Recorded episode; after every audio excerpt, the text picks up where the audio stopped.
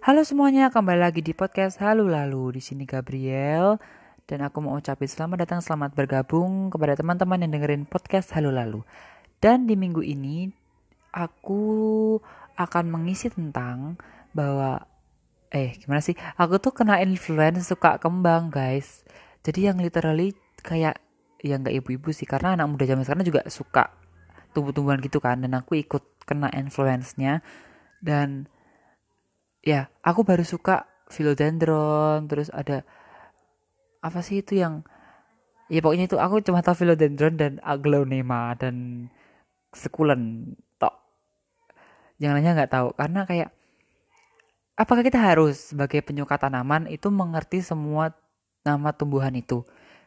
Antara iya dan enggak kan tapi menurut aku kayak yang iya nggak apa-apa itu bagus tapi enggak juga nggak apa-apa itu ya kan? Ya nggak sih kayak ya udah gitu loh. Aku tuh orangnya kayak gitu gitu sih kayak ya uh, memberi nama tanaman itu sebagai dengan julukan misalkan.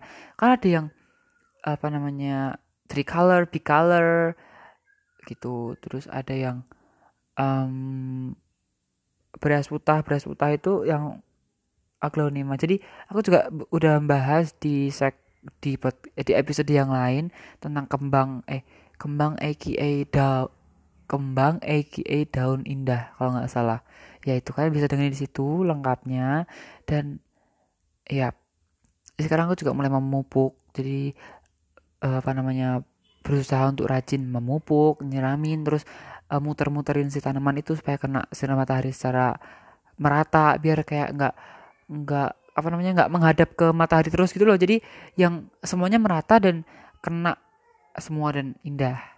Tuh Mungkin ini dulu kali ya.